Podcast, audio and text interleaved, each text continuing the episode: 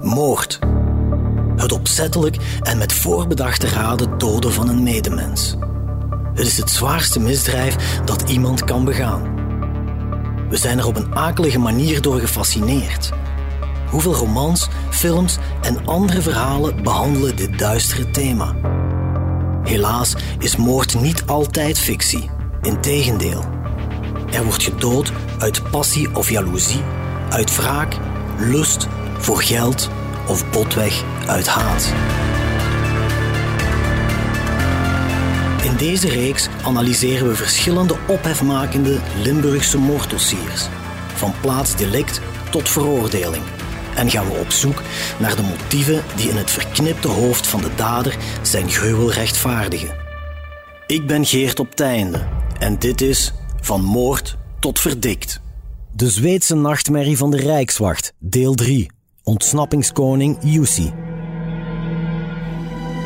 Na de zware schietpartij in Turnhout op 4 april 1987 wordt de Zweedse topgangster Jussi Ondin gearresteerd en opgesloten in de gevangenis van Leuven Centraal. Voor zijn zaak voor het Hof van Assise komt, moeten de feiten gereconstrueerd worden. De wedersamenstellingen vinden plaats in Veldwezelt, waar de gemoederen bij de collega's van Luc Verstappen hoog oplopen. Zo vertelt zijn brigadecommandant Lei Joosten. Bij ons in ieder geval was iedereen er zwaar mee geraakt. Want bij de wedersamenstelling hebben we mensen moeten tegenhouden die zeggen: we maken hem kapot, we schieten hem af. Dus het was, het was heel gevaarlijk. Maar ook op de camping in Mazeik is iedereen beducht voor de reputatie van de zweet. Matty Henkens, die kampeerverblijf de Leeuwerik uitbaat, herinnert zich nog goed dat er uitzonderlijke veiligheidsmaatregelen werden genomen. De angst dat Onden een zoveelste gewelddadige verrassing in petto zou hebben, zit er bij iedereen goed in. Een paar maanden later is dan een reconstructie geweest. Daarvan, dus bij mijn collega op een camping. Ik weet nog dat zondagsavonds in één keer de straat werd afgezet. Aan de ingang van de camping stond al rijkswacht. Vooraan aan de, of aan de straat stond al rijkswacht. Zondagsmorgen stond de brandweer van Mazeik achter de camping met een ladderwagen met scherpschutters erin. Aan de overkant van de Maas was de Nederlandse politie aan het patrouilleren. Zelfs de scheepvaartpolitie van Nederland, omdat ze toch bang waren. Omden was toch geen gewone. Wanneer Ondin voor het oog van de onderzoeksrechter de schietpartij van Turnhout moet reconstrueren, komt Rijkswachter Ivo Leemans opnieuw oog in oog te staan met de man die hem wilde doden. Ondin die heeft daar gewoon heel zakelijk alles uitgelegd, zoals het gegaan was gewoon. En hij heeft me daar ook recht geholpen. Toen ik op de grond lag en ik moest recht staan, heeft hij me recht geholpen. En dan heeft hij gezegd van uh, mens to mens, je doet me leid. Dus hij bedoelde, ik had niks tegen u, maar uh, uh, als mens doet het me wat. Maar je stond in de weg en dat heeft hem altijd gezegd, ook hier in Lamhaken. Ik had niks tegen die rijkswachters of tegen die politiemensen, maar die stonden in mijn weg. Ik had geen keus.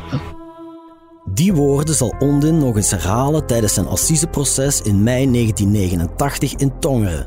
Daar wordt hij beschreven als een koelbloedige moordenaar met het masker van een vrijheidsfilosoof. De jury reageert geschokt op de criminele carrière die de Zweed sinds zijn 34ste uitbouwde. Het verdikte zwaar. Ondin krijgt de doodstraf. Die wordt vervolgens omgezet in levenslang, omdat er in ons land geen executies meer worden uitgevoerd. De gangster moet zijn straf uitzitten in Leuven Centraal. Maar alweer smeet de ontsnappingskoning een plan om de gevangenis te ontvluchten. We zijn opgesloten in gevangenis Leuven Centraal. Ja, daar is, is hij weer een uh, fantastische dingen gedaan. Zoals in de films. Gewoon een gat gegraven. Achter zijn toilet of achter een schilderij. De gang gegraven langs de luchtpijp. en zo eruit. Uh, hij had een pruisje gemaakt van zijn eigen hoofdharen. Had hij bijgehouden met de knip, geknipt. Dat op zijn dingen gelegd. Als ze kwamen kijken dat hem... Hij daar wel echt slaven. Hij is dan door die gang, door de lucht, is hij buiten geraakt en dan over de muur gekomen, een bromfiets gestolen en zo is hij naar Nederland gevlucht. Of naar Duitsland. Toen is hij naar Duitsland gegaan, en daar is hij verder gegaan naar Zweden. En daar heeft hij zich op den duur zelf overgegeven. Omdat er geen kant meer op kan, denk ik. Nu Ondin na zijn zoveelste vlucht weer wordt opgesloten, wordt zijn dossier aan Zweden overgedragen. Daar wordt het proces nog eens overgedaan. Een kleine groep uit België, onder wie Ivo Leemans, krijgt een uitnodiging om de zaak ter plaatse bij te wonen. Omdat in België werd de doodstraf gesproken en dat bestond niet in Zweden. Dus ze konden die straf niet overnemen, omdat dat uh, niet, niet, wettelijk was. Dus moest dat volledig opnieuw overgedaan worden. Ja. Dat was met de meeste mensen die erbij waren, zijn toen naar daar geweest. De dichtst betrokkenen tenminste toch. Dat was op uitnodiging van dus de, de Zweedse politie. En we zijn dus naar Nyköping gegaan. Dat was het proces. En we hebben hier het vliegtuig genomen. En we zijn daar afgehaald op, het vliegveld van Stockholm. Dan is het nog een 100 kilometer naar Nyköping. We zijn daar ondergebracht in een hotel. En we werden daar heel de weg begeleid door een Belgische die met een Zweed getrouwd was als tolk die officieel aangesteld was als tolk. En die heeft ons dan begeleid in de uren dat wij niet op het proces moesten zijn. Dus we konden daar dan een beetje sightseeing doen en bezoeken en zo. Op het proces zelf hadden we dan een Nederlandse die onze tolk was om te vertalen. Maar dat was een tolk in rechtszaken. Dat heeft daar ook een week geduurd. Hij heeft een levenslang gekregen. Het Zweedse gerecht geeft Ondin levenslang. En na het bepalen van de strafmaat staan de schadevergoedingen voor zijn slachtoffers nog op de agenda. Dus maandags waren de procedures over de vergoedingen en zoiets allemaal. Dat was op de, laatste dag. En daar wordt dan gesproken over 3,5 miljoen. Was hier in Tongen ook. En dat staat dan in het groot in de kranten. Dus je komt thuis, iedereen zegt van, oh, dan, dan zijn ze binnen. Hè. Nu hoef je niet meer te werken, heel, heel leven. Ja, want iedereen denkt dat je dat ook krijgt. Hè? Als dat is over de carrière die je mist, het leed en de schade onder familie. Want ik had toch twee kinderen, hè? twee kleine kinderen. Maar dat heb je natuurlijk nog niet gezien. Even nog geprobeerd via een advocaat om daar achter te melden. Dat was geen, had geen zin. Leemans en Co. keren terug naar België. Hoewel Jussi Ondin in Zweden achterblijft, haalt hij in de jaren die volgen nog meermaals het nieuws want de man blijft zijn vrijheid najagen. Hij is nog een keer ontsnapt. En dan is hij nou, vrij snel terug opgepakt. En dan heeft hij verder daar verbleven in de gevangenis. Hij is nog een keer in een hongerstaking gegaan of zoiets. Maar op een gegeven moment is hij gestorven van kanker. Uh, daar heb ik dan ook een, een bericht van gekregen van onze tolk daar. Die stuurde dan een krantenknipsel op. Op 62-jarige leeftijd is hij van kanker gestorven. In 2005 sterft Jussi Ondin. Een leven vol misdaad en geweld waar vele mensen in België nog steeds de gevolgen van dragen, komt ten einde. Zo wordt in Lanaken jarenlang geld ingezameld voor de familie van Rijkswachter Luc Verstappen, wiens overlijden ook jaarlijks herdacht wordt. In die tijd was er geen sociale zekerheid voor de achterblijvers, dus die weduwe die had op dat moment geen inkomen. Die kreeg natuurlijk wel een overlevingspensioen, maar Luc die was in die tijd, ik dacht 30 jaar. Dus die had nog niet veel dienstjaren. Dus dat overlevingspensioen, dat, dat haalde niet veel uit, ook niet. En toen hebben we oh, samen met, ik zeg, alles hing aan elkaar. Die brigade, dat was één blok, het district was één blok. De Rijkswacht was ook koos wat aan elkaar hing. Een hoop benefietwedstrijden georganiseerd, zowel voetbal als eh, schietwedstrijden of al wat je wilt hebben. Om die weduwe financieel bij te staan. Toen 30 eh, jaar geleden gebeurd was, hebben een kleine herdenking gedaan.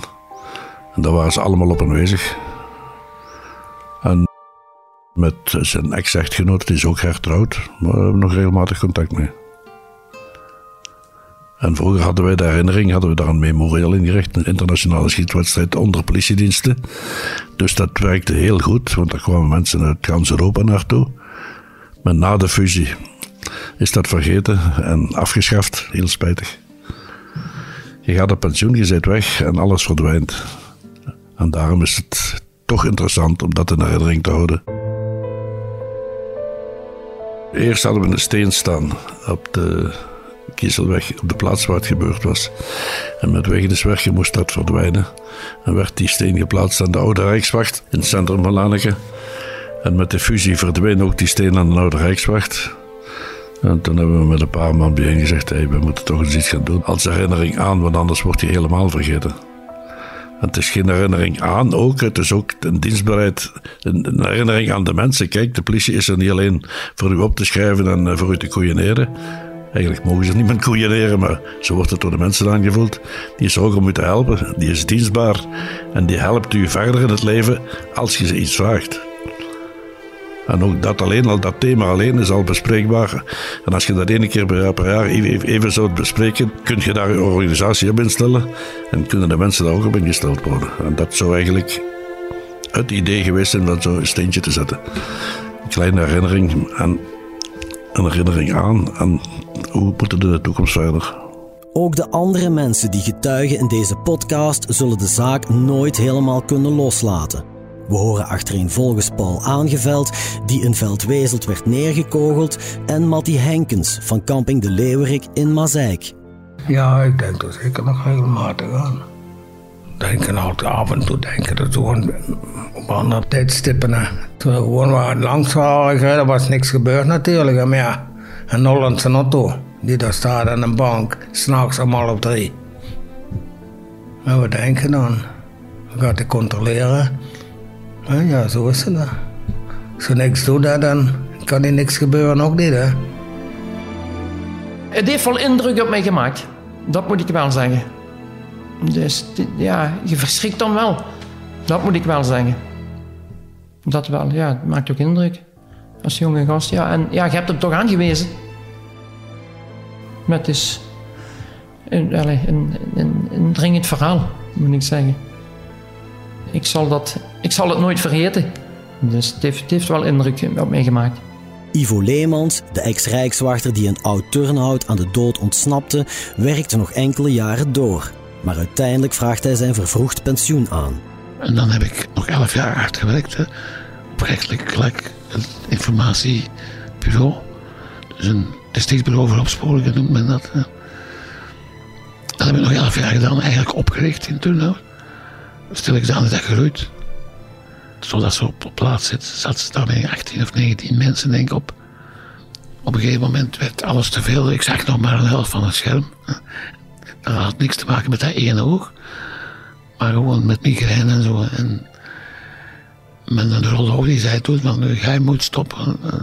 Want anders wordt het erg, eh, kan het fout aflopen.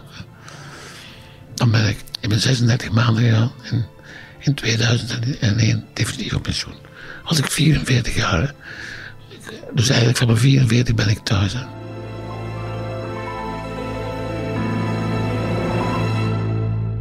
Dit verschrikkelijke verhaal zit vandaag samengebald in twee mappen.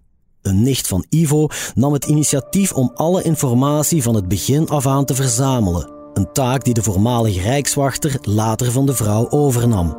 Van begin af aan de krantenknipsels,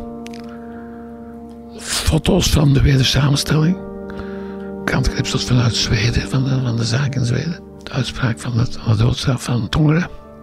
Dan al die verhalen eh, van dat hij ontsnapt is uit de gevangenis in, uh, in Leuven. Ik zou er nooit zelf opgekomen zijn.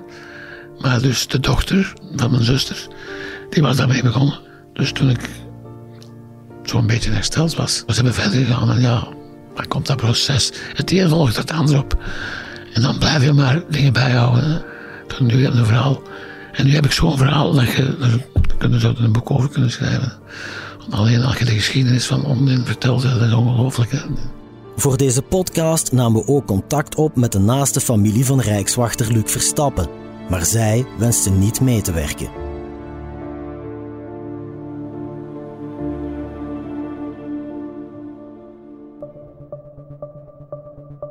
U luisterde naar Van Moord tot Verdikt, een true crime reeks van HBVL Podcast. Samenstelling door Geert op Teinde, Philippe Perges en coördinator Cato Poelmans. Montage en audioproductie door Wart Houbrechts. Chef podcast is Geert Nies. Reageren? Dat kan via podcast@hetbelangvanlimburg.be.